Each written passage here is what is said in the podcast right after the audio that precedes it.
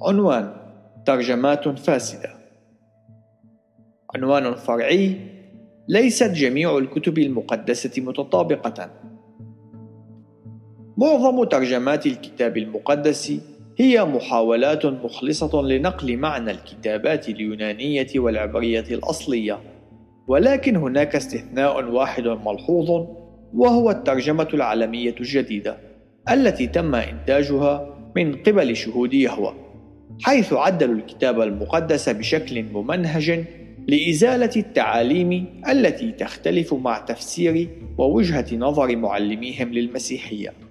وهكذا أضافوا أشياء إلى الكتاب المقدس وكسروا بذلك واحدة من المبادئ الرئيسية التي استوجبت الإصلاح في المقام الأول. وإحدى أكثر هذه الحالات المشينة كانت في يوحنا واحد واحد. جميع نسخ الكتاب المقدس الأرثوذكسية القويمة أو الصحيحة تقرأ هكذا. اقتباس كان الكلمة الله نهاية الاقتباس. لكن الترجمة العالمية الجديدة تقول اقتباس كان الكلمة إله نهاية الاقتباس. وهذا يتناقض مع القواعد اليونانية للنص. وقد وجدت على وجه التحديد لإنكار عقيدة ألوهية المسيح.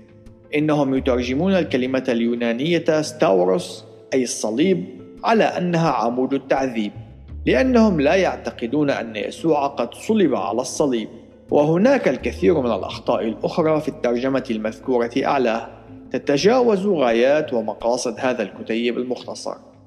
بالإضافة إلى ذلك يستمر الناس في إنتاج إصدارات الكتاب المقدس التي تناسب بعض الآراء الإيديولوجية المحددة بشكل مسبق. على سبيل المثال شكلت نسخة الملكة جيمس الترجمة التي تتوافق مع نسخة الملك جيمس باستثناء الآيات الرئيسية التي تدين المثلية الجنسية وقد تم تغييرها لإزالة هذا الحظر. وعلى الجانب الآخر من الطيف الأيديولوجي تسعى ترجمة الكتاب المقدس المحافظة لإقحام بعض الميل السياسي الأمريكي في الكتاب المقدس منتجة بذلك مفارقات تاريخية وأخطاء.